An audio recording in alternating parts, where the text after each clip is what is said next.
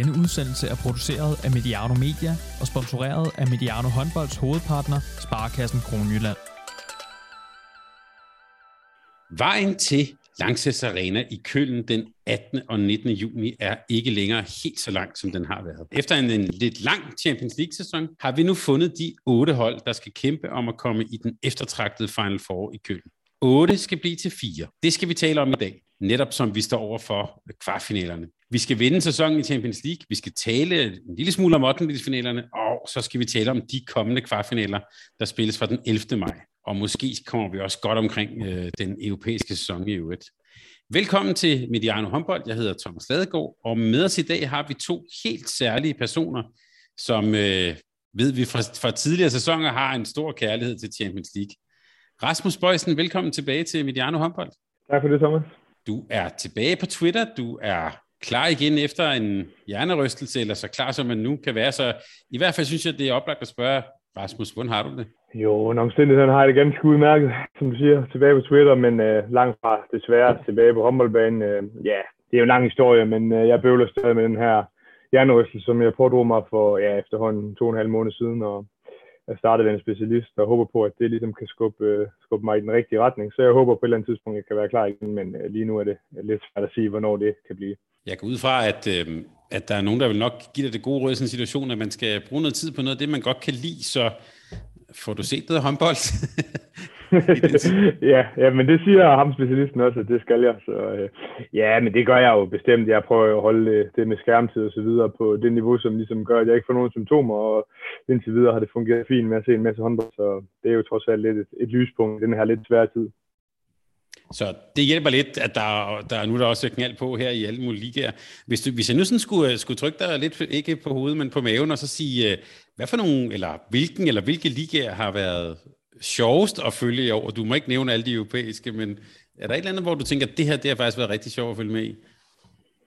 Om der er jo faktisk meget, men jeg må bare sige, at Bundesligaen, altså nu snakker vi meget om det her med struktur og lige ud eller playoff og så videre, men der må man bare sige, at de har fundet noget, der fungerer, og den her sæson har både været uforudsigelig og spændende, og både i bunden og i toppen og omkring Europacup-pladserne, og der er hold, der har gjort det fremragende, der er hold, der har skuffet. Jeg synes egentlig, den har, ja, den har indeholdt det hele, så jeg synes, Bundesligaen er en fantastisk liga, og også en af de ligaer, jeg må sige, jeg, jeg følger tættest. Og her for nylig lagde jeg også mærke til, eller var det her i vi over weekenden, du lige havde en update også fra, fra Portugal der. Det har også været, der har også været knald på der. Ja, der er jo kommet tre klubber, som jo øh, er de her fodboldsportsklubber, kan man sige, som Benfica, Sporting og Porto, som virkelig er gået ind i håndbolden og har satset.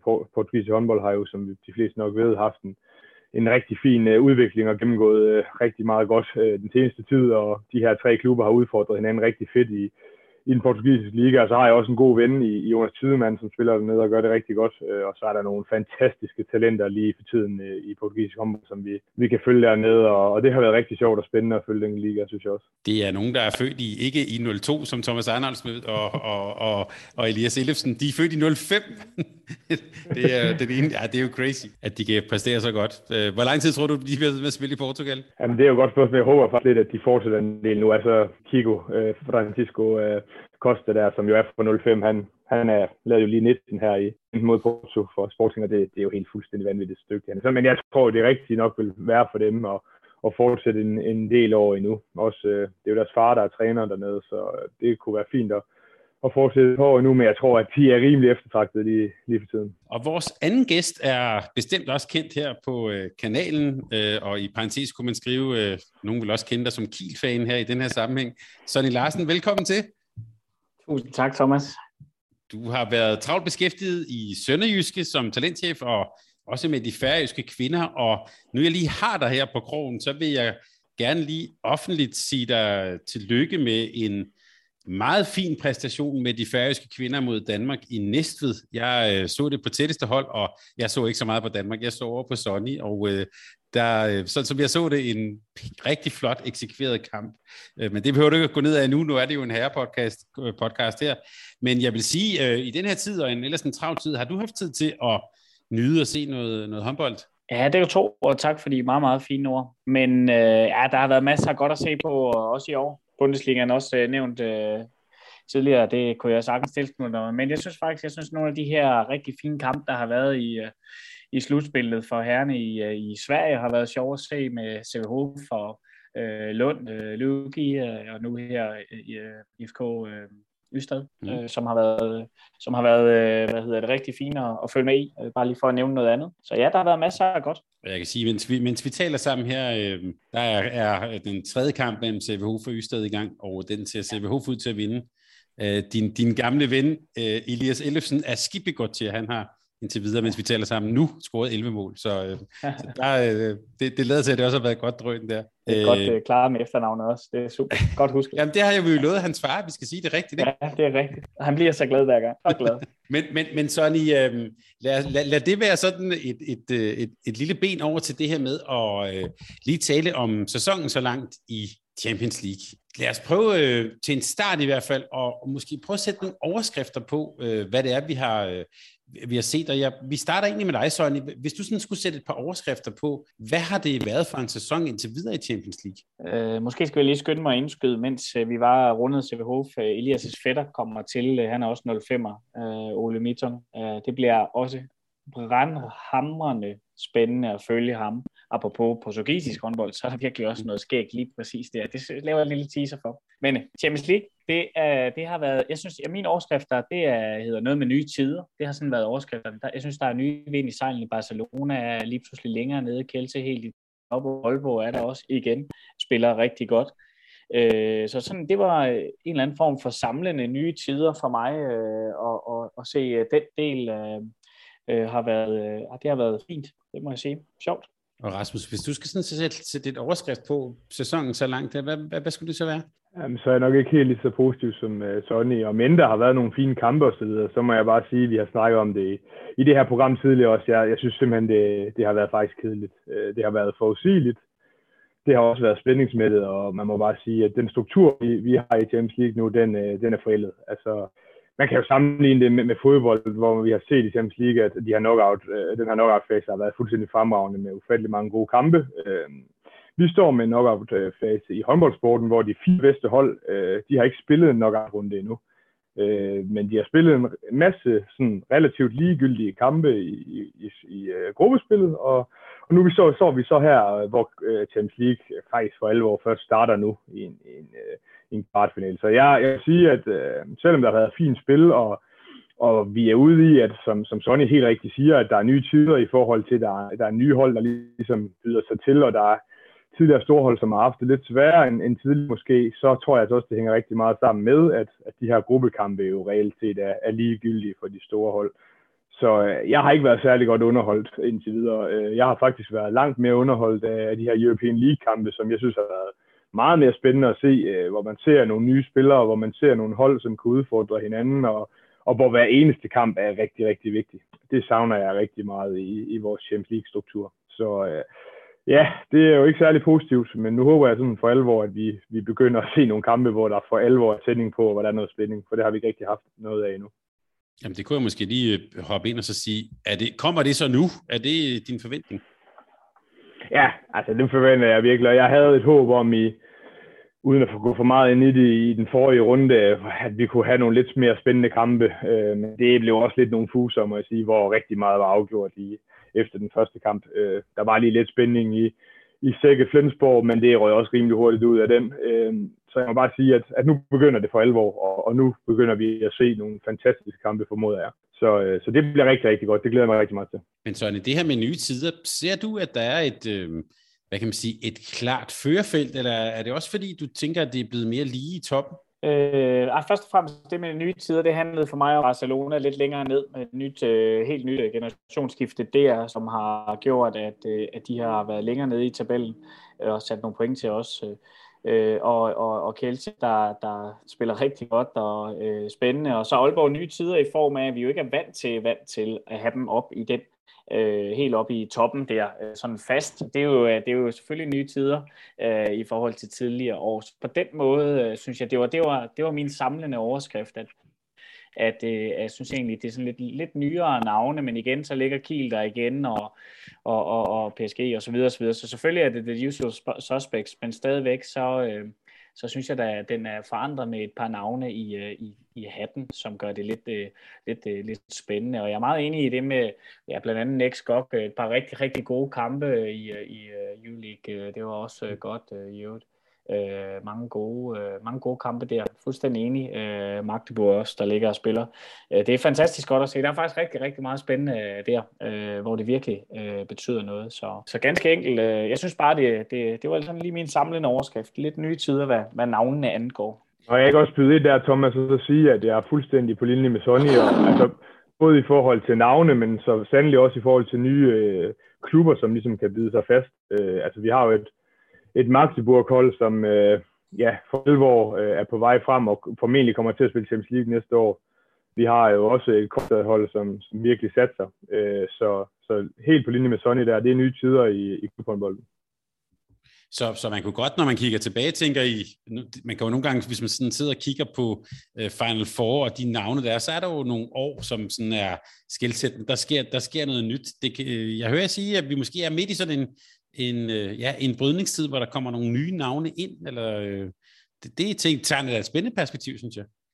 Det synes jeg også, og det er det også, og der, der kommer nye øh, til, øh, det gør der da ikke mindst i øh, Barcelona, øh, med, kan man sige, lidt nyere øh, bagkæde, øh, yngre bagkæde, end det ellers har været øh, tidligere, og, og det er for eksempel, bare lige for at nævne øh, nogen der, Øh, altså det, det, er jo, det er jo den, øh, det er det generationsskift, jeg synes, man ser. Og så kan du sige, Felix Klar, hvor var han henne for ja, fem år siden? Var han med i, øh, i, i Champions League øh, helt oppe i toppen? Nej, det var han vist ikke, øh, og så videre, så videre. Så jeg synes, det er det, det, det, det, er det vi ser nu her, øh, at det breder sig lidt ud, og det er, som du siger rigtigt måske, Thomas, at der er rigtig, rigtig stor konkurrence, og det, det bliver meget, meget spændende at se.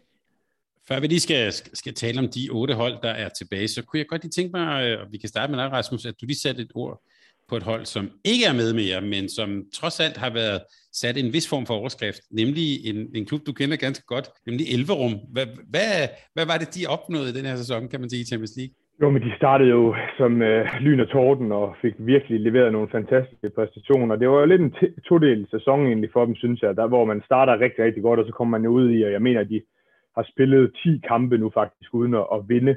Øh, så det er rigtig meget todel, men jeg synes jo, deres spil har været forfriskende. Øh, egentlig ikke noget nyt, fordi det synes jeg egentlig, der har været deres, øh, deres ting de seneste øh, sæsoner, de har været i Champions League, men, men de spiller jo noget frisk håndbold, øh, hvor man virkelig, virkelig har fart over feltet, og øh, ja, defensiven har ikke været så god, men der, der har man ligesom øh, tænkt, at så skal vi bare have nogle flere kontraløb på, og, og de har nogle spillere, som, som virkelig kan noget, en Tobias Grøndal, jo, som, som virkelig har fået plads på holdet og har spillet virkelig, virkelig flot. En, en Dominik Martes, som jo egentlig bare har fortsat, og desværre jo også blev skadet, og det var, har jo også med til at, at svække dem i forhold til nogle af de her sejre. Men øh, at man kan, med det budget, de trods alt har, så øh, kan gå videre øh, i en Champions League-gruppe, det synes jeg er flot. Øh, så stros til dem, og man må også sige, at det, det de ligesom får, får lavet med hele eventet deroppe, med fyldte haller, både i, i Elvo, men også i, i Lillehammer. Det, øh, det er godt for, så, for produktet øh, Champions League. Det var der rigtig mange af de lidt større hold, som kunne lære rigtig meget af, synes jeg. Og hvordan ser man på det i Norge, hele det her altså Elverum, som, som gør det godt her, øh, med de forudsætninger, vi har, og så hele det her Koldstad-projekt. Altså, at, at, har Elverum tænkt sig at tage kampen op, eller hvordan, øh, hvordan taler man om det i Norge? Ja, men jeg tror, i forhold til, hvordan man taler om det, så afhænger det nok meget af, hvor man spørger hende. Altså, der, er jo, der har jo været stor kritik. Stor kritik. Der har været kritik af, af det her projekt i, i Koldstad, fordi det er måske heller ikke noget, man er vant til i Norge, at der kommer nogen ind og smider rigtig mange penge i, og, og Rema 1000, som jo er en af de store sponsorer, er jo også øh, sponsor for, for hele ligaen øh, og, og for herrelandsholdet, og der har jo været meget med Christian Berger osv. Øh, jeg tror, Hjelverum øh, ser man som en stor udfordring, men, men jeg tror også, man, man på lang sigt kan blive rigtig styrket af det. Altså, det er jo, der er ingen tvivl om, at den klub er så godt drevet, at de går ikke ud og, og sprænger rammerne for, hvad de ligesom kan bære. Men de kommer til at lægge på, er jeg ret sikker på. Og hvis vi ser sådan, ligesom på næste sæson, så tror jeg egentlig stadig, jeg ser dem som favoritter, fordi det er her samtømret hold, der, der har noget indermentalitet og ved, hvordan man skal vinde som trup. Og der må man sige, Kolstad, det er jo sådan meget, meget nyt med en trup, og så kommer der 5-6 nye spillere ind. Der, det bliver svært for Kolstad. Jeg tror, det kommer til at tage længere tid for dem, end, end de måske håber på. Øhm, men jeg tror da, alt i alt, så er det jo godt for en liga, som, som den norske har, hvor Elverum jo har været suveræn og vundet øh, slutspillet de seneste otte år, eller noget den dur. Mm. Øh, så er det jo godt, at der sker noget nyt, øh, og jeg synes også, det er rigtig, rigtig fint for, for europæisk håndbold, at der kommer et projekt øh, mere i Skandinavien, som virkelig er storsatsende. Det, det kan jeg kun se en fordel i. Det trækker jo folk i hallerne, ligesom vi oplever med Aalborg, ikke mindst, at det, det trækker fulde hus nærmest på forkant to år frem i tiden, at, at det er nogle af de her øh, store kanoner, der kommer til. Og det vil det da ganske kigget også gøre i Koldstad, og alle de andre små øh, bygder og byer, de, øh, de kommer til at spille i. Så øh, det er meget, meget positiv udvikling. Ja, så kan man sige, at øh, Koldstad, altså Trondheim, som Koldstad jo ligger i, er jo en, en rigtig øh, fin størrelse by i håndboldregi, kan man sige. Altså de har jo øh, store haller, en til 2500, en til, mener jeg, 4-5.000, og så en til 7.000, 8.000, der Spe- Koldstad Spektrum, eller Trondheim Spektrum, som man også spillede i, i flere slutrunder. Så der, det er en by, hvor man ligesom har, har en god øh, ballast for at kunne skabe et europæisk storhold. Det glæder vi at se, apropos overskriften øh, øh, nye tider. Øh, jeg har også lige en anden ting, jeg lige vil øh, spørge om, før vi øh, dykker ned i kvartfinalerne for alvor. Øh, og det var noget, du lidt nævnte, Rasmus. Det her med 8. at de måske er meget lidt smule skuffet. I, I, jeg har lige sådan et kort spørgsmål. Jeg ved, du, har jo, du er glad for ungarsk håndbold, og øh, også den her nye hal i Sækket. Men da jeg så den der øh, 8. med, øh, med, med Pik Sækket mod Flensborg, var der ikke en lidt tam stemning der i, øh, i Sækket? Det var, eller var det bare det, der kom igennem tv-skærmen? Altså, jeg havde glad for, faktisk... at du siger det. ja. ja, men det er også, jeg, har lidt, jeg havde jo lidt den samme øh, følelse som dig, men jeg snakkede med nogle af Sækket-spillerne også, og øh, det er jo altid svært at vurdere ud fra, fra tv. Og det er jo også det her med, at de har haft en lille og kompakt hal, hvor det jo nærmest er blevet en heksekæde, eller nu har de en, en kæmpe stor hal, som de stadig formår at fylde. Og jeg vil sige, øh, det lød på dem som om, at det var fuldstændig fremragende, den stemning, der var, og de blev kørt frem. Øh, så, så det tror jeg egentlig ikke var et issue der. Jeg tror, det er rigtig godt for fodboldsporten, at vi, at vi får de her store, fine haller, hvor der bliver lavet kæmpe arrangement ud af det, og vi får nogle flere øh, tilskuere i hallerne, fordi det synes jeg også har været lidt et problem for, for Champions League, at man kan se, at mange af de store hold, de, de er ret ligeglade med de her gruppekampe, og der kommer ikke ret mange tilskuere i hverken Barcelona eller Flensborg osv. Øh, der har vi brug for nogle hold, hvor der virkelig er tryk under kedlerne og, og en fed fankultur. Det synes jeg i hvert fald, har i, i sækket. Sonny, var der noget, som du hæftede dig ved i, i de her 8. delsfinale? Ja, jeg må knytte en kommentar i hvert fald til det med, med Flensborg og, og Sækket der, fordi jeg synes, Øh, nemlig at, øh, jeg synes nemlig sådan, når vi fik kigget lidt ned i dem, jeg havde egentlig rigtig store forventninger til lige præcis den kamp, og, og det var, den fulgte jeg virkelig intensivt og skrev noter og så videre, tegnede tegninger, som jeg nærmest plejer til, til rigtig mange hold, men, men igen, så, så, øh, så formår, hvis man skal tage den positive side, Flensborg formår at kontrollere øh, og gøre det så, så, øh, så til, tilpas, at, øh, at det bliver på deres præmisser, så lige pludselig, så er sikkert udspillet øh, på nogle redningsprocenter. Ja, så ved jeg godt, det er nogle flotte redningsprocenter på, på, på, øh, i den ene af kampene for, for Buic på 30, 33 eller hvad det var. Men, men, men igen, så har de i virkeligheden et kanon godt hold, øh, sikkert, og skuffer en lille smule. Det er så downside af den. Og jeg tænker over det der med, at at de havde alle tiders muligheder og, og, og, øh, og, øh, hvad hedder det, og vinde også anden kamp og sådan noget, men, men, men øh, det bliver alligevel øh, SK Flensborg, øh, som har drevet rovdrift på de samme spillere alligevel hele året, som tager næste skridt. Øh, og det, det er altså det er så, så den positive side, det er jo flot gået, øh, og øh, ja, der er ligesom om, ja, hvordan fanden, de mangler lige at sætte næste skridt sækket, og det var egentlig det, jeg lige vil bringe ind her på, på den her, øh, sådan i den der begejstring, øh, som jeg egentlig har for, at Flensborg hiver den hjem. Jeg må byde ind der, Sonny. Jeg synes, den helt store forskel på de to hold er jo, at, at Flensborg har et hold med rigtig mange tovejsspillere, og de kan styre tempoet i kampene. Så er det mm. klart, at at det gør rigtig meget for sikkert, at de mangler Banhidi, som vel sagtens er deres vigtigste spiller ja. i, i begge ender af banen. Øh, men det er jo lidt paradoxalt, at Pastor, træneren i, i Sækket jo, har været rigtig glad for de her tovejsspillere tidligere. Og noget af det, der har gjort dem rigtig, rigtig svære at spille mod. Mm. Øh, spil, øh, øh, spillere, som er stabile, som øh, Canellas, Marqueda, øh, Shellman, øh, som kan præstere i begge ender af banen, og dem har de bare ikke længere. Og det gør bare, at de får det rigtig svært i mange af kampene, fordi at øh, de får svære ved at lave deres mål, end, end modstanderne gør. De skal, de skal kæmpe mere for det og de har de her tunge bak, som de skal have sat øh, i scene. Og når man så ikke har en Banhidi, som kan skære banen over, som man bare kan putte bolden ned på, og så skaber han 3-4-5 mål i, i løbet af en halvleg, så bliver det bare sværere. Og derfor synes jeg også, at, at Flensborg faktisk reelt var klart bedre end, end Sækket. Så, så hjalp den her hjemmebane sikkert lidt til at, at få en sejr godt nok øh, på hjemmebane. De var jo ikke for alvor i nærheden af at slå øh, Flensborg, hvor, hvor godt, øh, godt var flyvende og egentlig selv styrede den, de der to kampe og kunne selv bestemme, om hvor meget de skulle vinde. Så, så det synes jeg er en, en helt stor forskel for sikkert tidligere til nu. Og der er jo rigtig meget snak i, i Ungarn nu omkring Pastor, som jo har været der rigtig mange år, er jo en legende i klubben, men ja, er tiden ved at være uden for ham, og skal de prøve noget nyt, fordi det virker som om, som du selv siger, at de mangler lige det sidste i forhold til at komme i det her forjættede land, som Final Four er for dem. Ja, og det var faktisk det, jeg ville adressere, øh, og, og du tog den så fint og foldede den fuldstændig ud. Øh, det var så fint, øh, fordi det var præcis de der nuancer af, hvor, hvordan de egentlig er gået fra. Så var de lidt ramt sidste år på corona, hvilket er fair nok. Det kunne ingen af os rigtig styre og så videre. Den, den, den, væk med den, den tæller ikke på den måde. Men de har stadigvæk et godt hold, og, og har nogle fede spillere, øh, altså, som kan en bunke.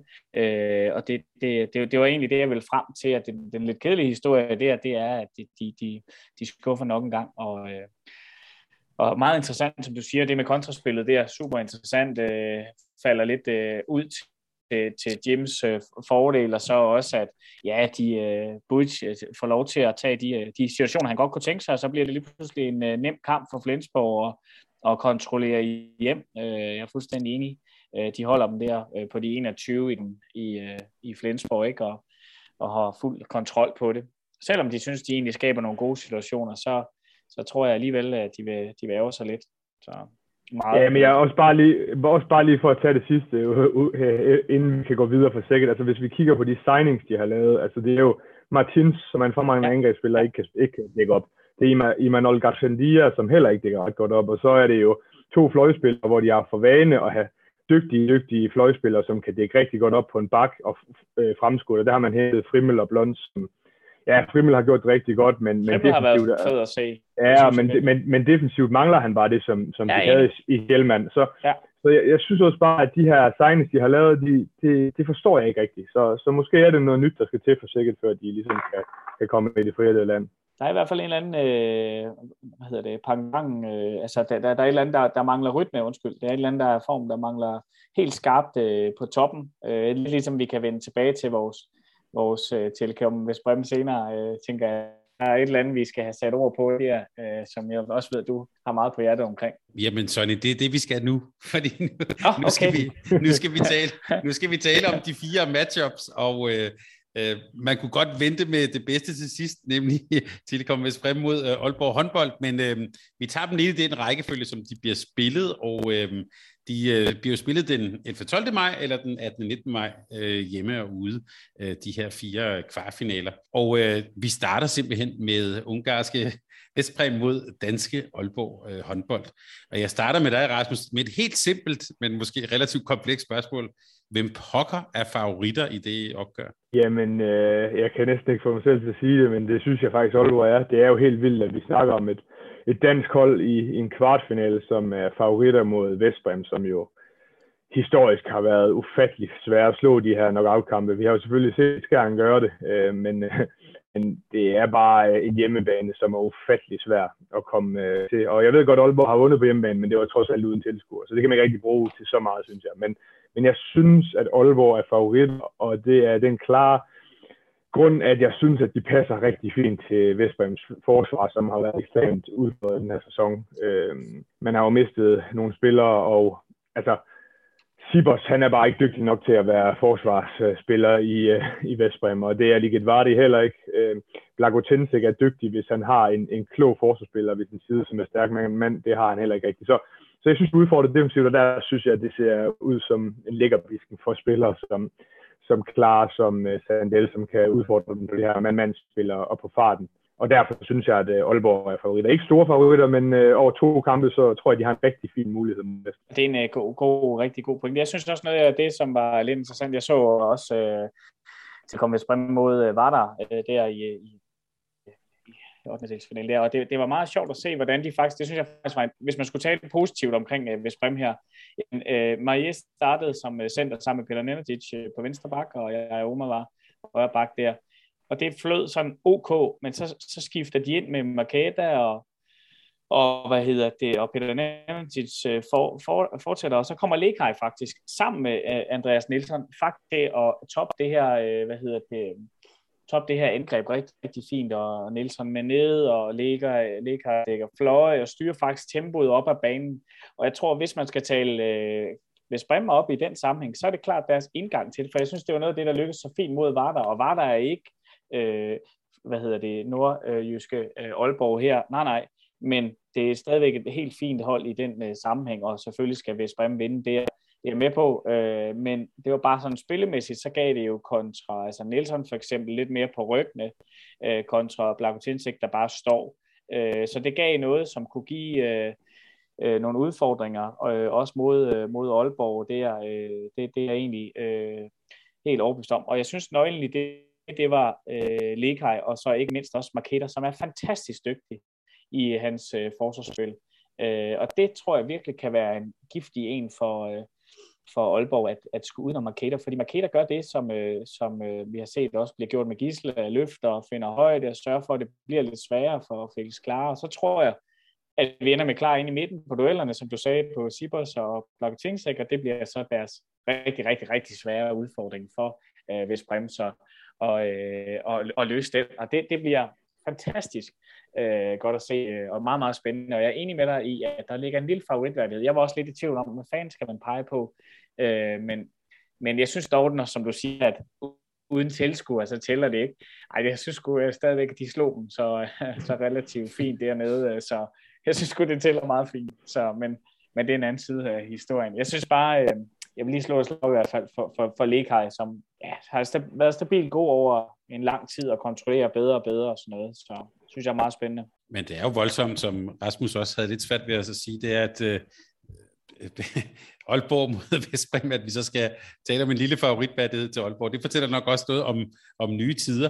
Rasmus, de starter i Ungarn, for, for det betydning for, hvordan den her miniserie skal, skal afvikles? For 10 år siden ville jeg sagt, ja, det er en kæmpe fordel at slutte på hjemmebane i de her øh, knockout-kampe i, i, eller i europæisk håndbold, men, men det har det ikke rigtig længere. Altså, jeg synes, vi har set øh, de seneste par sæsoner, at, at man lave et rigtig godt resultat på hjemmebane, så er det en kæmpe fordel. Men, men omvendt får, får man et dår, en dårlig øh, præstation på hjemmebane og taber med et par mål, så har man også fine chancer på udbanen. Så jeg tror ikke, det har det store at sige.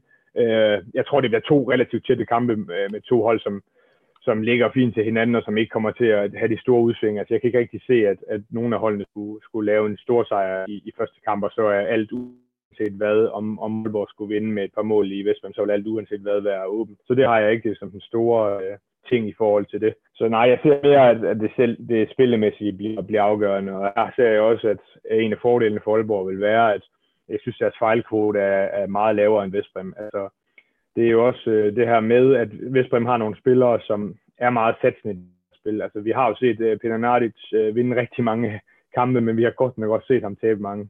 Og, uh, og jeg tror på, at Aalborg, hvis de uh, rammer det niveau, som de normalt har, vil have en, uh, en del færre tekniske fejl end, end Vestbrem i over de her to kampe, det tror jeg kan blive rigtig afgørende. Og så en spiller, som vi jo slet ikke har nævnt endnu, det er Rasmus Lauke, som jeg også tror får en, en rigtig, rigtig stor uh, rolle i de her kampe for Vestbrem. Og skal Vestbrem have en god chance, så tror jeg, at han skal spille mere og have en større rolle end Peter Nardic. Øh, lad mig sige det sådan.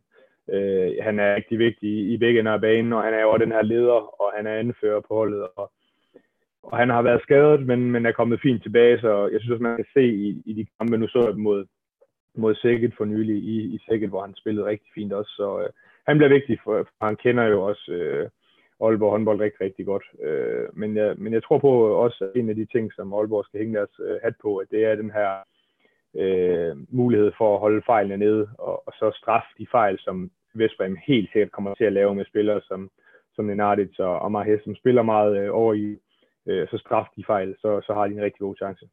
Og så synes jeg også øh, en anden detalje, som faktisk er, øh, synes jeg var lidt fed at se og få med også her i år, at det er, at, at, at hvis Bremer også har fået noget 5-1-forsvar med, øh, med fald øh, efter noget overgangsspil, og det gør altså, jeg synes, altså nu, øh, nu, nu, nu tænker jeg meget på det der med, at Jamen, det, den udsatte midter, det forsvar, som skal dække øh, alle duelspillerne, der kan man trods alt gøre et, et rigtig, rigtig stort nummer ud af at tage til Aalborgs duelspillere ud af, af det første tryk, og jeg synes, vi så Skjern, øh, jeg ved godt, at øh, Skjern, de lykkedes øh, med det, jeg ved godt, at de manglede øh, Sandel på højre bak, så det blev lidt anderledes, men jeg synes, øh, det er klart, øh, klart et våben, som, som øh, ja, det er jeg sgu lidt spændt på. Har Aalborg det, det værktøj med noget fermet i, i posen til at kunne skifte? Det, det, det ved jeg faktisk ikke helt, om de har på den hylde, de ønsker sig endnu, eller om, øh, om øh, det først kommer senere. Øh, så, så jeg tror faktisk, det er en lille, lille fordel, hvis man skal tale ved Sprems vej, at øh, det kunne give dem, øh, give dem lidt vind i, i sejlene der. Rasmus, vi talte sidste år om, at øh, hvis man havde måske den udfordring, det der med at finde, man kan sige, en form eller et hierarki, eller en sådan en, øh, en, en opbygning i deres spil, er de tættere på det i den her sæson? Ja, det synes jeg. Øh, de har også skiftet lidt ud og gjort det lidt nemmere for dem at finde det her hierarki, øh, kan man sige. Øh, jeg hørte en podcast med deres højreback fra Ægypten, her Omar, hvor der blev snakket meget omkring det her med, at Momelic, han har haft en god indvirkning på dem i forhold til sammenholdet, og han ved, hvad det kræver at være inklusiv. Det må vi heller ikke glemme. Der er et gigantisk pres på de her spillere, og hvis øh, det, som jeg hæver meget siger, er rigtigt, så virker det som om, at de har fået bedre sammenhold, og der er, de føler ikke det samme pres på dem øh, internt i på holdet, og det tror jeg er rigtig vigtigt for dem, øh, for at få præsteret godt, øh, fordi der er jo ligesom den her forbandelse øh, over Vestbrem, at de ikke kan vinde øh, Champions League. Øh, på et eller andet tidspunkt skal det nok komme, fordi de har været rigtig dygtige til at komme i de her Final Fours og finaler.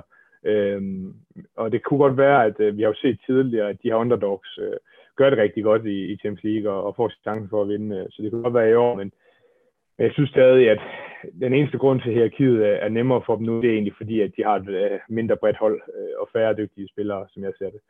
Og er det så en fordel? Nej, det, det kan godt være en fordel, men, men det kan også være en, en ulempe. Så, så det er lidt svært at sige. Jeg synes, de har været relativt ustabile. I nogle kampe har de været fantastisk spillende, og andre kampe har de, har de ikke præsteret så godt så synes jeg også en, en anden kamp i, i kampen, som bliver nødt til at nævne, det er jo det her det lille issue, der er mellem Palmerson, som vi jo for, nuvær, for, for, for nuværende slet ikke ved, om bliver klar. øh, men han har en historik med den her klub. Øh, ja, det ved de fleste jo nok, men han, øh, han smuttede jo simpelthen fra klubben, da Vranjes var træner, øh, fordi han ikke her spiller, han ville hellere spille i Barcelona. Øh, så det var jo lidt en speciel øh, afsked, han fik der. Så jeg er ret sikker på, at skulle han spille kampe, særligt i Ungarn, så kommer der til at være en lydkulisse på ham, og han, de kommer virkelig til at prøve at få ham ud af den. Øh, men det er en spiller, som jeg tror på bliver vigtig for Aalborg. Øh, ikke fordi jeg synes, han har været specielt god øh, i den her sæson, men fordi at øh, historisk har det været sådan, at når det gælder mest, og de helt store kampe, der har han bare været rigtig, rigtig god til at finde et godt spændingsniveau og, og præstere rigtig godt. Øh, og det kunne jeg godt forudse, at han også kommer til igen. Øh, han er en spiller, som er rigtig dygtig til at spille godt i de store kampe. Det har han også vist rigtig mange gange for Barcelona. Så, øh, så han er jo sådan lidt, jeg vil ikke kalde ham en joker, fordi at, kan man kalde øh, Arne Palmerson for en joker for Aalborg, men, men jeg synes, at Aalborg har været øh, bedre spillende uden ham. Øh, men man kan også godt se i nogle af de kampe, der har været, øh, blandt andet i, i øh, pokalfinalen øh, i Danmark, at når det virkelig gælder, så er han også bare en spiller, der kan finde det frem og har roen øh, og rutinen til ligesom at, at, at gøre noget godt med de afgørende bolde. Godt, så vil jeg bare lige øh, øh lukke posen på den øh, kvartfinal og sige, den tror jeg, at de alle danske håndboldelskere glæder sig til. Det bliver, selvom vi har givet en lille plus måske til Aalborg, så bliver det jo et totalt øh, spændende drøn. Det glæder vi os rigtig meget til. Det næste, vi så tager under kærlig behandling, det er, øh, ja, han har sagt, vores gamle venner for Montpellier mod, øh, mod Kielse. Det er jo øh, der hvor øh, Rasmus' øh, Twitter-ven befinder sig. øhm, så øhm, så lad, lad, os, øh, lad os lige starte med dig, Sonny. Jeg, jeg, jeg sad og tænkte, at jeg skulle forberede mig her. Jamen, der er jo nogle af de her, en gang imellem, så er det jo bare Montpelliers sæson. Er det, er det her en af dem, af de sæsoner igen? Nej, det er ikke. øh, det er, der er de ikke endnu, men det er om et par år, så er de der. Ej, ja, den tager Kjelte, som de har spillet øh, i år. Øh, det skal nok blive nogle fine, rimelige lige kampe, men den tager Kjelte. Kjelte har altså alderen, de har erfaring, de har målmændene, øh, målmanden, undskyld. Øh, de har virkelig, øh, virkelig øh, på fløjene, de har på stregene. Altså Kjelte har det bedste hold, så, så nej, det bliver, det bliver Kelse. Jeg synes også, øh, at Kelse bør være relativt stor favoritter i det her matchup. Altså, man kan sige, at Montpellier, det har jo lidt været nat og dag for dem. Altså, de har jo været fremragende spillet i Champions League langt den der vejen faktisk. Overrasket rigtig meget, i hvert fald mig, mens de har haft det rigtig svært i den franske liga, og de kommer jo ikke øh, i nærheden af at spille Champions League næste sæson. Øh, de har haft rigtig mange skader, og det er faktisk ikke noget nyt for dem. Det, det plejer de sådan set altid at have. Øh, og det er også sådan øh, pt, at øh, Janis Len øh, i seneste kamp mod Paris øh, Saint-Germain øh, deres øh, dygtige øh, højrefløj, han, øh, han fik en øh, håndskade, og han ude resten af sæsonen, og så derudover så Julian Boss, som jo den her franske unge højreback, som har været rigtig, rigtig god for Montpellier den her sæson, og deres anfører, Valentin Port. Øh, begge to er tvivlsomme, så vi står lige pludselig øh, i, at de kan være uden tre venstrehåndede spillere i den her kamp, øh, eller i de her kampe, og altså, så tror jeg ikke, de har en chance, hvis ingen øh, af de spil bliver klar. Øh, så, men øh, hvis vi skal tale om Kielse, så har de jo faktisk lidt haft et kompleks mod de her franske hold. Der var jo godt nok den her fantastiske kvartfinale i, i, i 19 mod Paris Saint-Germain, hvor, hvor de vandt med 10 på hjemmebane, hvor Chupata, øh, der stod hos dem øh, på det tidspunkt, stod helt magisk og slog mod. Men ellers er de jo både røget ud til Nantes øh, i 2021 og også øh, i 17 til, til Montpellier, så så altså, de har sådan lidt et fransk øh, kompleks, og plejer at have det lidt svært med de her franske hold, og man kan jo huske, eller jeg kan i hvert fald huske øh, i 2021 her, hvor Emil gjorde det virkelig ondt mod, øh, mod øh, Kielse, hvor Kielse vandt første kamp i, i Nantes, og så tog Nantes til, til Kielse og vandt øh, med tre, hvor han stod helt magisk, og hvor Talant Chibayev, der er det her legendariske ja. klip efterfølgende ja.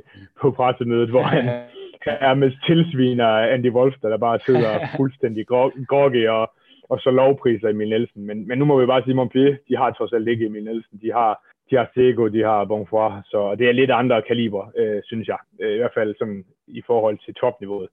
Så øh, jeg vil være rigtig overrasket, øh, hvis Kjelse de ikke øh, to nummer to kampe også kvæg deres rigtig, rigtig dygtige, eller rigtig, rigtig gode hjemmebane. Øh, så, så jeg er også en rimelig stor favorit. Jeg synes også sådan, altså når man ser på materialet med, med både Dujibayev og, og Wolf ikke mindst, og, og altså, der, der er rigtig god kvalitet og god alder, og, og, og også nogle unge, friske, og øh, Dylan Mahi og så videre. Altså, den, den er, der er masser af godt øh, over en øh, bred kamp, øh, som, øh, som gør, at, at de har en rigtig god øh, chance øh, for at gå videre der, men ikke mindst også øh, bringe sig videre fra en eventuel øh, semifinal der. Så det, øh, jeg glæder mig meget til at se dem, og de har jo spillet, og det, der har været fedt med dem, det er jo, som, som det tit er omkring Alex Dushibayev, der er fart over feltet, mange mål, øh, og, øh, og der, der, der synes jeg bare, at det, det, det er fedt at se, øh, og det skal man virkelig øh, sætte næsen op for, fordi der er altså der er god håndbold. Øh, man skyder på vejen op, på vejen ned, skyder rundt om, spiller streg, spiller ud og så videre. Der er mange, mange fede, bare lige for at nævne en enkelt, øh, øh, som, som virkelig, øh, som spiller virkelig, virkelig stort. Så en af de store spillere. Jeg er fuldstændig enig også. Altså, det er jo blevet sådan en talent folk som, som i gode gamle dage i, i Ciudad Real og Atletico Madrid, hvor man har så bredt et hold, at man nærmest kan, kan skifte ud i kæder. Det er jo også det, man, man gjorde i, i, da man vandt uh, Champions League med, med Kjelse uh, Dushibayev. For det har han fået et hold, der kan igen nu. Uh, rigtig, ja. rigtig bredt hold med, med virkelig, virkelig mange dygtige spillere. Og det er jo næsten lige meget, hvem der spiller, så er det det samme koncept. Det, det kører bare, og fuld hammer på, og man, man kan godt se, at nogle af de her hold, Vestbrem, som vi snakkede om før, men også Kjellestad, de har fået noget inspiration i, i Barcelona med at køre det her powerhåndbold for fuld øh, blues i to gange 30, hvor man simpelthen bare kører, kører ens modstander hold over, fordi man hele tiden øh, har nye spillere, der kommer ind og er friske og spiller på samme måde og holder sig til konceptet og få fejl fra Kjelses side af. Så, så jeg synes virkelig, at det har pyntet for dem at, at få en bredere trup. Øh, ja, du var selv inde på Dylan Nahi, som, som jeg synes har været en, en gigantisk signing og virkelig en forstærkelse af det her hold. Så, øh, så de ser rigtig, rigtig skarpe ud. Jeg synes, og jeg synes, de var, jeg synes faktisk, de var øh, det bedst spillende hold i, i gro- hele gruppespillet. Jeg er enig. Fuldstændig enig, faktisk. Og så bare de hjælp mig, som øh, relativt uvidende, øh, Alex Tusebaev, hans skade. Hvordan har han set ud her i, i det her forår? Er det Alex Tusebaev, som vi kender ham? Ja, det synes jeg. Altså, det, der har ikke været noget at se. Altså, det har jo været en moden beslutning af ham, synes jeg, at, at sidde over den her slutrunde. Og det er jo bare noget, vi, ja, det er jo et stort emne at snakke om, men det er jo noget, vi kommer til at se fremadrettet endnu mere, tror jeg. Med det vanvittige kampprogram, der er, så øh, vil der være spillere, der har godt af lige at sidde over i en slutrunde eller to. Øh, og jeg tror, det kan være med til at forlænge hans karriere. Så øh, han var ufattelig godt spillende øh, i efterårssæsonen, men han er bare faldt det videre i forårssæsonen. Jeg synes ikke, man har kunne se det på ham, at, øh, at han lige har fået en operation og lige skulle skulle lade lidt op igen. Nej, han er, han er fantastisk, og han er jo bare den her spiller, som, nu snakker vi om Palmerson før, der spillede godt i de, i de vigtige kampe og på de vigtige, i de vigtige momenter i kampene, og der må man bare sige, at hvis der er en, der er endnu bedre til det end ham, så kunne det måske være Alex Vizibaya, fordi jeg har virkelig set ham ufattelig mange gange for både Spanien, men også i særdeleshed for Kjelse, afgøre kampene. Og, og der er jo ingen tvivl om, og det synes jeg også er vigtigt for nogle af de her hold, det har vi for eksempel set tidligere med, med Barcelona, at de har problemer med at finde spillerne, når kampen går ned til allersidst, øh, crunch time, tingene skal afgøres, hvem er det så, der skal afgøre det?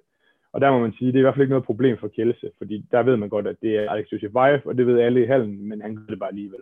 Og det er jo sådan, man virkelig kan se, at han er verdensklasse spiller. Fuldstændig enig. Han er virkelig en topspiller, og det er en afsluttertype. Det er fantastisk godt at se. Det er, det er virkelig spændende. Men øh, så, fra, øh, så fra det opgør, hvor, øh, hvor vi godt kan have klart polsk fordel, så skal vi, har vi to kvartfinaler tilbage, begge med tysk deltagelse. Den første, vi lige skal tale om, det er Paris Saint-Germain mod THW Kiel. Man vil jo måske nok sige, at det var på forhånd det store opgør, altså de to store giganter PSG mod øh, uh, THW Kiel, men man kunne vel også drille lidt og sige, øh, at PSG i fodbold, de kommer aldrig til noget. Det gør Pep Guardiola heller ikke, og City, når vi taler Champions League, så skal, øh, skal vi ikke bare sige, at den tager Kiel, eller hvad, Rasmus?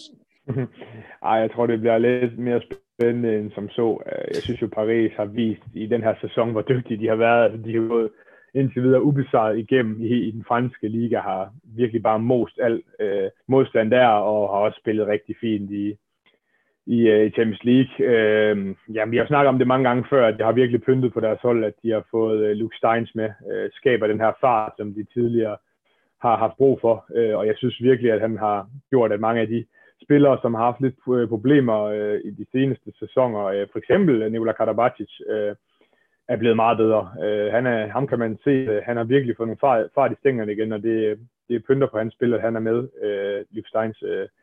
Så øh, nej, det, det, det, bliver ikke, øh, det bliver ikke nemt for, for Kiel. Øh, altså en Schybsak, som jo også har været fantastisk spillende, og virkelig, virkelig afslutningssikker, og efter Mikkel Hansen skade også blevet straffekastskyttet. Det er jo ikke tit, man ser en fejlspiller være det, men der har han også været ufattelig sikker. Øhm, så ja, jeg synes, at, at den fysik, øh, Paris ligger for dagen, det, det er svært at øh, slå, øh, og, og det er bare to rigtig, rigtig dygtige øh, knockout-fasehold. Altså, og det er jo, de mødte jo hinanden i, i kvartfinalen i 2021, så det er jo ikke så langt, vi skal tilbage for at finde seneste kamp med, øh, hvor alt, alt galt. Og, og der var der jo nærmest taget stemning, synes jeg. Altså, ja. Der var det jo Sargussen mod, øh, mod de gamle holdkammerater, og der var det virkelig kørt på øh, med fysik og røde kort, og jeg tror også, en af overskrifterne bliver, om, om Sargussen han formår at, at holde temperamentet nede, og, og hvis han kan det, så synes jeg virkelig, man har set her i, i forårssæsonen, at han er på vej tilbage øh, til sit gamle jeg. Øh, han var virkelig virkelig dårligt spillende i efterårssæsonen, og havde heller ikke nogen stor slutrunde, men han har været rigtig god øh, efter, øh, efter slutrunden. Øh, og så har han jo så haft problemer med ribbenene nu her, så det bliver også lidt spændende at se. Jeg har ikke spillet de seneste par kampe, øh, formentlig for at blive klar Øh, 100% til den her kamp. Men, men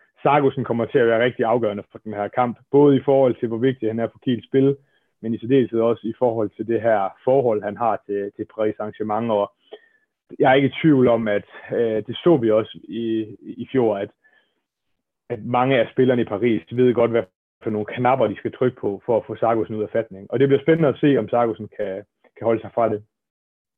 Som jeg husker, det var Luka Karabatis dygtig til at trykke på de knapper. Det, det er også svært, at han lige kan ramme et par ribben eller to, hvis, vi kan, hvis jeg kender ham ret. Men, men, men, øh, men, men hvorom men alting er, så Kiel, Kiel for pokker, de skal nok øh, også øh, være skarpe der. Altså, det, det, det, der har de et bredere og mere erfaren mandskab end, øh, øh, en tidligere sand, der er blevet ældre. Øh, så, øh, så det betyder også en hel del af at og der hvor de igen øh, i år er med helt fremme, øh, det er PSG selvfølgelig også. Øh, det er svært lige at pege på, hvad den helt præcise øh, top er, udover igen øh, Landin på mål. Øh, hvor er det lige, at de kan lidt mere. Øh, det vil være mit udgangspunkt for, for, øh, for, øh, for de her øh, kampe her, at der kunne ligge en, en, øh, en helt afgørende øh, performance derinde mellem stængerne øh, for, for THV Kiel. Øh, Øhm, for ellers er de begge hold øh, godt kørende og har en bred, forholdsvis bred trup. Øh, Kiel har også øh, masser af værktøjer, både i regnkendt og vejenhold og, og så videre, så videre. Så, så det, er, det er meget, meget svært at pege på præcis, hvorhen ligger den her øh, marginal. Og jeg ved, at vi sådan tradition tro øh, plejer at komme omkring forsvarende også, og de varianter, der ligger der, der er begge hold også nogle muligheder. Og det, det er egentlig super interessant, og det, det, er, det er de der små ting. Altså, det, det er meget, meget svært øh, og pege på præcis, hvad bliver det? Bliver det 7 mod 6, der bliver den, det springende punkt? Øh, eller er det det mentale omkring I står i sådan en fyldt hal øh, øh, nede i PSG, og, og der bare bliver most ind på de ribben der på Sarkosen, omvendt på hjemmebane i, i, øh, i, øh, i Kiel, jamen så øh, vil trykket også være større på PSG. Der er ikke noget, de ikke kan klare der, men stadigvæk, øh, altså det er meget, meget svært på at finde de der, hvor er de marginaler. Det, det kommer jo ned til, hvem der er mest øh, skadesfri. Hvem er det, der er lige skarpest i den uge? Det er dagsformen, marginalerne. Det bliver på centimeter eller millimeter, vi skal ind og måle her. Øh, det tror jeg på, det bliver. Ja, og hvis jeg skal øh, køre videre fra den, så synes jeg måske, at at vi kan snakke om to hold, der har deres styrker defensivt. Altså jeg tror på, at begge hold, hvis de står stationært øh, i defensiven, har rigtig gode forudsætninger for at klare sig godt. Altså Kies defensiv har været fremragende den her sæson med stor fysik. Der tror jeg godt, at øh, Paris Saint-Germain kan få problemer øh, med ligesom at, at åbne det, og omvendt i den ende øh, lidt det samme. Altså stor fysik øh, fra, fra Paris Saint-Germain, og sådan lidt tungere spillende øh, Kielhold, som jo rigtig ofte vinder på deres fysik øh, i et angrebsspil, og det tror jeg også, de får svært ved. Så jeg tror egentlig på, at, at spillet mellem buerne bliver rigtig, rigtig vigtigt. Altså kontrafasen, anden bølge, tredje bølge, Steins, der kommer i fuld fart ned i midten og får, får spillet Kristopans og Prandi og hvad de ellers hedder op, øh, og omvendt Sargussen, der kommer i det her raid, hvor han bare er tung og svær at holde sammen med Reinkin. Øh, så jeg tror på, at Duvniak, som også øh, excellerer i, i den del af, af spillet. Jeg tror virkelig på, at det bliver vigtigt, øh, fordi, øh, som sådan inde på, altså det bliver en krig. Altså det bliver 2 gange 30 gange 2, der bare øh, bliver fuld hammer på fysikken, øh, når de står sassenat mod hinanden. Så kan man finde 2, 3, 4 nemme mål i hver halvleg øh, på den her kontrafase i anden og tredje bølge, så, så bliver det altså vigtigt, fordi det bliver, jo, det bliver så hårdt for de her hold øh, at spille de her kampe. Øh, også fordi det er, det er sent på sæsonen, og, og der har været mange kampe, ja, selvfølgelig i særdeleshed i Bundesligaen og så videre. Det kan også, blive, det kan også spille ind, øh, hvor Kiel jo virkelig stadig skal, skal kæmpe for at, at kunne komme i Champions League næste sæson. Øh, så jeg tror, at spillet mellem buerne bliver vigtigt, og der synes jeg, at, at begge hold jo har, øh, hvad der skal til for ligesom at udfordre øh, returløbet øh, for, for det andet hold. Så, så det tror jeg bliver rigtig spændende at følge med i. Og du kan have fuldstændig ret i, at øh, den der øh, transition mellem de to faser, det bliver helt afgørende. Og måske det er jo virkelig en pinpointer omkring Luxans. Måske ikke bare målene, men faktisk også de efterfølgende udvisninger, der kan ligge lige præcis i det der lidt kaosagtige, som Luke Steins jo bringer, springer på en halv kant omkring Tjekker Pille, og de har problemer med ham før i, i flere sammenhæng, øh, selvfølgelig. Øh, så det vil sige, den her udvisning eller ikke udvisning, øh, dommeren, der tør dømme det i Kiel, øh, tør de også dømme det samme over øh, i, i PSG. Altså, så, så, så, øh, så den her lille marginal øh, af at, at ramme de her momenter, men uden at forsere spillet, fordi så ligger den bare nede i den anden ende, øh, fordi så dygtige er de hold. Øh, så, øh, så den kaos, hvis man skulle sætte det op, Kiel er lidt mere organiseret, knap så kaotisk i, i deres løb, øh, og, og tilsvarende kunne man sige på angrebsafvikling, øh, kunne man måske også sige, at at der er begge hold egentlig ret lige, så den der lille øh, fli af noget hurtigt midte med Lykstein, kunne den give en udvisning mere til, til PSG's fordel. Det kunne den måske godt, øh, hvis man skulle tale i deres øh, retning. Ja, hvis, man så skal tage lidt i, i Kiels retning på, på et andet parameter, så må vi også bare sige, at der har jo været et issue i Paris Saint-Germain, det er ingen hemmelighed, i forhold til deres øh, målmænd. Uh, Gerard er, er en god keeper, øh, vel sagtens i top 10 i verden, men han har det også med i de her vigtige kampe, ligesom ikke at ramme det for alvor. Og der må vi sige, at den anden ende, der har vi jo formentlig verdens bedste. Han er i hvert fald kåret til verdens bedste spiller, og Niklas Landin har været fremragende. Vi så det også tyske pokalfinal for. Og, og han har et højere topniveau og et mere stabilt niveau, end øh, Gerard har. Så det, der synes jeg også, at der er en lille fordel, eller en relativt stor fordel faktisk til Kiel. Øhm, og det er også derfor, jeg hælder til, at de over to kampe faktisk øh, godt øh, kan tage den her. Øh, jeg, jeg synes bare, Landin utallige gange har vist, at øh, ja, når det virkelig gælder, så, så har han bare de afgørende redninger. Og der er jeg lidt mere øh, skeptisk øh, i forhold til Gerard. Woohoo! Siger jeg så. Det ved du godt. Thomas, det, det er dejligt lige om lidt med Flensborg, ikke også? jo, men, men øh, øh, bare til sidst, Rasmus, du nævnte du, at du jo Øh, naturligvis havde jeg sagt, har, har jo set en del tysk håndbold i år, og den, øh, som jeg allerede har været lidt omkring, den der øh, pokalfinale, hvor de slog, mm. hvor Kiel slog Magdeburg med 28-21, den, da jeg så den, der tænkte jeg, det så næsten sådan øh, knusende ud fra, øh, fra Kiel, altså man kan sige et meget højt og også intensivt topniveau. Hvis de finder det, er der så overhovedet nogen, der kan bremse den på vej mod en Champions League? Altså i den kamp, der rammer Sargussen og Niklas Sandin topniveau. og de er to af verdens bedste, allerbedste spillere. Og når det så sker, og man så øh, derudover har en, et forsvarsspil, som står rigtig godt med Vindsik og Pikler ind i midten, så, altså, så er der ikke nogen, der slår Kiel. Det tror jeg ikke på. Øh, der, der er de bare, altså top, top, der er de bare umulige at have at gøre. Det har vi jo ikke set så meget for min sæson, men jeg synes, det har vist sig på det eneste. Det skal så også nævnes, at, at Magdeburg har været i en, øh, et formdyk øh, efter jul. Øh, men, men derfor er det stadig stærkt bare og, og virkelig bare øh, smadre det i anden halvleg. Øh, Sargussen var, var helt ustyrlig der, og ja. Øh, så nej, jeg tror egentlig, altså topniveau-mæssigt, øh, der synes jeg, Kiel er rigtig langt op, med, eller højt op. Men man skal også bare huske, øh, lad os nu antage, at, at de slår Paris over de her to kampe, så der er bare noget over Køln, og jeg vil sige, de spiller smallere, noget smallere end mange af de andre hold. Nu har vi lige været inde på Kjelse, som jo spiller som spiller meget bredere for eksempel, og det kan bare være udslagsgivende i, i, i sådan en, øh, en lille weekend i, i Køln, så øh, det er svært øh, at gå ind på det, men, men altså, jeg synes, at de har et top nu, der er meget, meget svært at matche på de andre hold. Jeg er meget enig, at der ligger en podcast mere, jeg venter omkring. En lille Final Four, det er helt sikkert. Der kunne vi snakke rigtig meget om det der. Det gør der, og der skal I bare huske, at alt det, vi siger, der skal man jo bare sætte minus foran, fordi det går jo aldrig som, som, eksperterne, som eksperternes sprog. Men det kan vi, det kan vi lave en disclaimer, Ej, når vi starter den. Jeg holder op, jeg holder op med at gætte, så det er sådan der. Godt, så har vi simpelthen en, en kamp tilbage, og det er SG Flensborg Handewitt, FC Barcelona. Også vil jeg sige noget af en, af en, af en lækker bisken at se frem til.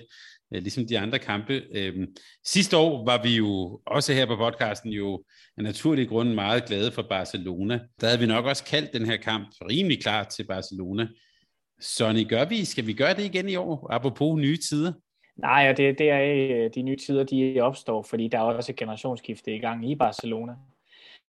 Øh, hvis man sådan øh, kigger øh, lidt ned i, øh, i at, øh, at de jo selvfølgelig har sat nogle point til, ikke mindst, øh, så har de, ikke, de har ikke været lige så sikre, som de, de plejer. Det er sådan det første, man lige kigger på og støder på, hvis man kigger ned i men også hvis man kigger lidt i, hvem de egentlig har øh, sådan på den her bagkæde, som skal gøre det, ikke? Øh, en gesang og, og Sein og, og Legano her, og så har du måske sådan, det største navn, har vi Sindrits i virkeligheden i bagkæden, udover de kan memme. Øh, øh, og, og så står jeg tilbage med, at, øh, og de har selvfølgelig også Richardson, undskyld ham, glemmer, og glemmer man sit at nævne, han kommer altid lige efter dem, men, men stadigvæk sådan, det er måske de største navne sådan for alvor, øh, øh, og man kunne også godt sige Produce, men stadigvæk, hvilken verdensklasse spiller er der lige, der er der, øh, så er de selvfølgelig Fabregas, og Peste Vargas, verdensklasse fløj, nævner vi slet ikke engang, fordi de er bare pisse gode.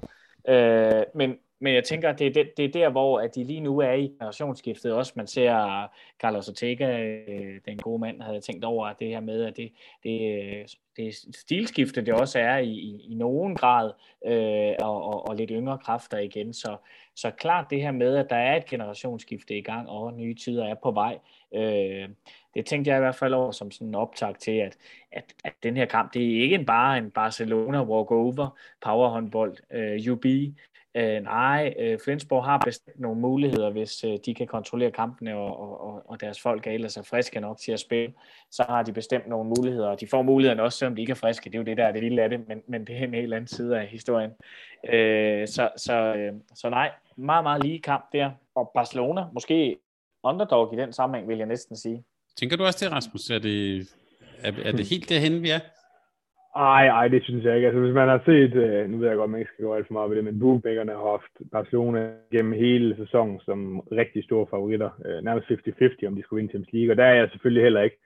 Øh, havde du spurgt mig for tre dage siden, øh, så havde jeg set øh, Barcelona som rimelig store favoritter, men man kan sige, at nu er Fabregas ude. Øh, øh, jeg tror, det var noget blindtarmsbetændelse. Han er i hvert fald ude af begge kampe, og det er altså, næsten det største tab. Det ser nærmest kun det er derfor, de falder ned.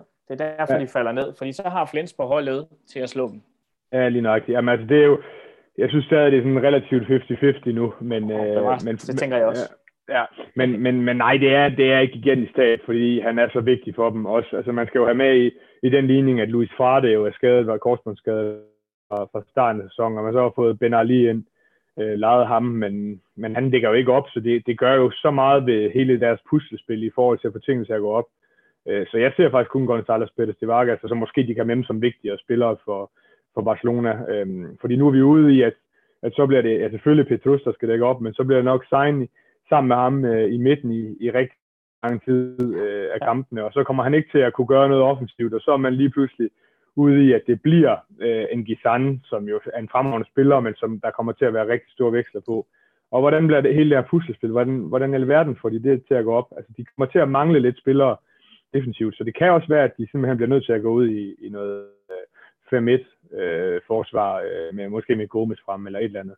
Øh, så det bliver rigtig spændende at se. Det har ligesom kastet alle kortene op i luf, øh, luften, som jeg ser det. Øh, og så for ligesom at vende tilbage til hele deres sæson, altså det er jo ikke som sådan, at sige, de er jo igennem en, en øh, genopbygningsfase, og mange nye øh, unge spillere, og måske også nogle spillere, som ikke er helt på, på verdenstoppen. Øh, og nye træner også, det synes jeg også, man godt kan se, at Ortega har gået ind og, og ændret lidt på øh, den fart, de spiller med. Altså det er jo det, der gjorde dem så farlige, synes jeg, øh, i de seneste par sæsoner med den her fart, øh, som de kom med og bare kørte på og kørte på og kørte på. Der er ligesom blevet taget lidt af den, af den fart og den øh, risikovillighed i, i kontrafasen, og der spiller man lidt mere stationært og, og lidt langsommere, men man laver måske også lidt færre fejl, øh, og, og har måske en lidt mere stabil defensiv. Øh, men det er jo noget, han har i tale sat at han ved godt, det her det kommer til at tage tid, og han har kalkuleret med, at der vil komme lidt, øh, øh, ja, lidt øh, dårligere resultater i gruppespillet, og det er jo det, vi var inde på før. Det, det gør jo ikke så meget, kan man sige. De er jo stadig videre. Øh, så så det er jo nu, de skal toppe, og det er nu, de skal virkelig vise, og det er også nu, at man ved, at uh, Palau Braugrana uh, for første gang i sæsonen, mm. og, og eneste gang i sæsonen bliver, bliver ja, i hvert fald tæt på fyldt. Uh, og der plejer det jo, der er jo en eller anden magi over den hjemmebane, der gør, at de, de kan klare alting. Men, men Flensborg, de må også virkelig kunne lugte nu, at der er en rigtig fin mulighed uh, for at kunne gøre noget stort her. Uh, så jeg synes virkelig, det bliver spændende. Hvis jeg lige skulle supplere lidt, og det er godt, øh, helt, helt godt tænkt med 5-1 der. Det kan da helt sikkert være et internationalt klassevåben i den sammenhæng. Øh, jeg så og tænker to ting omkring det der med, at de har så mange skader. Det gør jo nogle gange, at holdet bliver så smalt, at det er så simpelt, at alle forstår, hvor de skal løbe hen til alle tidspunkter, fordi du skal bare løbe frem og tilbage. Der er ikke nogen at skifte med. Det er så nemt. Overdrevet selvfølgelig ikke også. Men kan I følge mig lidt i logikken? Det kender vi også. Så stepper holdene op, og så bliver det øh, også øh, performende og effektueret øh, på højt niveau. Men, men jeg synes, udfordringen er lige nu, at ja, de er nogle øh, unge og på vej frem øh, spillere. Det vil sige, selvom de top-topper øh, det hold, så er det jo ikke tilbage af Lavardar, øh, hvor Christoph spiller 2 gange 30 2 gange 30 i 2019 øh, med undtagelse af de udvisninger, han får. Altså, det er jo ikke helt det hold, vi snakker om her. Selvom det bevarer sig nogle gode spillere, øh, så, så er det jo ikke et hold med et streg under hold, fordi der er så mange ubekendte, og de har ikke nået at spille det her hold sammen.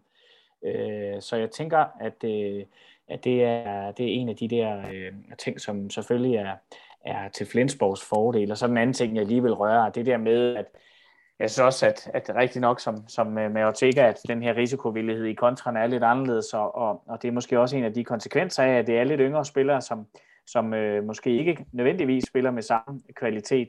Øh, så deraf er det nok øh, øh blevet øh, tid til lige at give en lille smule ned for gashåndtaget for at bygge, bygge konceptet op, defensiven op osv. osv. Det giver vel også en eller anden faglig mening, at man prøver at finde ud af der, hvor man er bedst øh, i, øh, i hele spillet, altså alle dets faser, alt fra, fra straffekast til kontra og så videre, så videre. Øh, så er det vel sådan en kalkyle af, hvor vi får mest ud af, af holdet, ikke? Og, og det er meget spændende at se, hvordan Flensborg, og Flensborg Altså, synes jeg jo også er fedt. Det er da mega spændende, at øh, de har øh, fundet vej til, øh, til toppen der i, øh, igen og, øh, og ligger øh, i, øh, i, i det videre spil øh, på en eller anden sådan lidt skadespladet sæson igen igen. Øh, at øh, skulle, skulle spille sig med der, det vil da være skægt. Øh, det er overbevist om, at de, øh, de ser muligheden i. Fuldstændig enig. Rasmus, øh, der er lige en enkelt spiller, jeg lige vil spørge dig om. I december var vi jo ret meget op at køre over øh, den gode skåning for helt af dit jævla liv, øh, Jeppe Godfredsson. På denne her scene med, med i den her type håndbold, hvad, hvilken, øh, hvilken betydning har han for Flensborg, når vi taler ja, Champions League og så nogle kampe som dem her? Jamen, det kan man jo næsten ikke understrege, hvor vigtig han er. Altså, han formår bare at have ro på og fordele boldene rigtig, rigtig godt. Altså, der, man kan jo ikke rigtig snakke om, det er det, der er så sjovt med Jim Godfredsson. Hvad er hans spidskvalitet? Altså spidskompetence. Hvad er det, han er rigtig god til? Er det skud? Er det gennembrud? Hvad er det? Men det er jo det der med at forudse spillet. Altså, se hvad der sker, ja. og så få de boldene lige præcis på det rigtige øh, tidspunkt. Altså timing og placering og alt det er så vigtigt, og det bliver tit undervurderet i, i håndboldsporten. Øh, altså, du, du behøver ikke altid kunne sætte en mand, men hvis du spiller bolden på det perfekte tidspunkt til dine medspillere, så er det Øh, langt hen ad vejen vigtigere. Øh, det er det, han bare er ufattelig god til, og det kan man virkelig bare se, at han har været i, i de her kampe, og, og de spiller jo smalt også. Vi skal jo bare huske, at de har om en endnu større problemer skadesmæssigt øh, i forhold til Barcelona med, ja, mod, med Semper og Rød ude, og Jørgen først lige er kommet tilbage, og Mensing er ude nu, og, og begge målmænd har, har problemer, og det er jo stadig uvist, at Budic bliver klar til de der kampe, og, og Kevin Møller har nogle problemer med bagler og sådan noget, så de har været rigtig hårdt ramt, og det har de jo egentlig været øh, nærmest under hele Machulas tid som træner. Også fordi de driver lidt rovdrift på nogle af deres spillere, synes jeg. Men, men, men det gør bare, at hans rolle den er fuldstændig indgroet i det hold, og man ved bare, hvor man har ham, og han er ufattelig vigtig. vigtig. Så synes jeg, det har pyntet for ham, at, at Jørgen Andersen er kommet med igen. Øh, han, øh, han er vigtig også i det her kontrafase, og til, god til at sætte noget fart, som han, måske de har manglet lidt øh, på nogle af deres andre spillere. Det er jo ikke det, Mensing og, og hvad hedder det, Mensa måske kommer sådan alt for meget med, men det har Jørgen, øh, og derfor har det været rigtig fint for dem at, at få ham tilbage.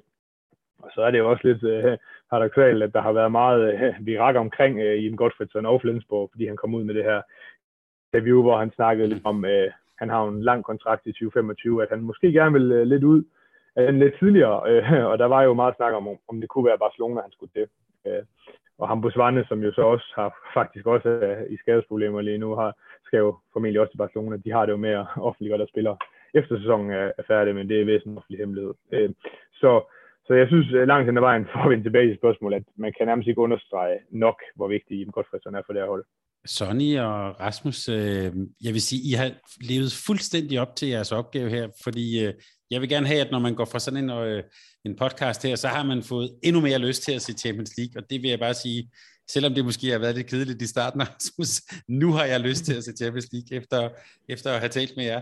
Er der noget, vi øh, her til sidst øh, mangler, eller en pointe, vi lige har overset, så, øh, så er det speak now or forever, så Nej, men jeg tror faktisk, jeg så for et par dage siden, at der stadig var billeder til Final Four i Køln, og vi har slet ikke været inde omkring for alvor det her med, at tilskuerne er tilbage i, i Champions League og i det hele taget i hallerne, i håndboldhallerne, og det må jeg bare sige, at det har gjort så meget for produktet, og det er fantastisk at se. Jeg synes, at, at rigtig mange af stederne i, i, øh, i herrehåndbold i Champions League, at der er ved at være en fed fankultur, øh, både i øst, men sandelig også i vest. Så, øh, og jeg må bare sige, at hvis der er folk, der ikke har været i Køln nu, så kan jeg bare øh, virkelig, virkelig anbefale det. Det er øh, for mig at se det klare højdepunkt på en øh, lang håndboldsæson med rigtig mange kampe.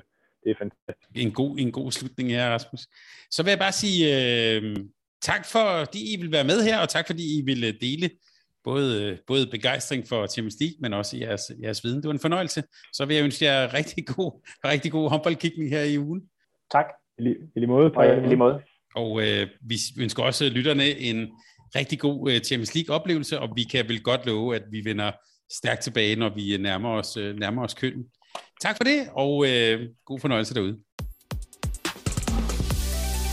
Tak fordi du lyttede til en podcast af Mediano Håndbold. Hvis du kunne lide udsendelsen, så husk at abonnere på Mediano Håndbold, der hvor du hører podcasts. Så får du den seneste udsendelse serveret direkte til dig. Du må gerne fortælle dine venner om os, og husk at følge os på Facebook, Twitter og Instagram. Mediano Håndbold kan lade sig gøre, takket være Sparkassen Kronjylland. Vi har gået hånd i hånd siden foråret 2018.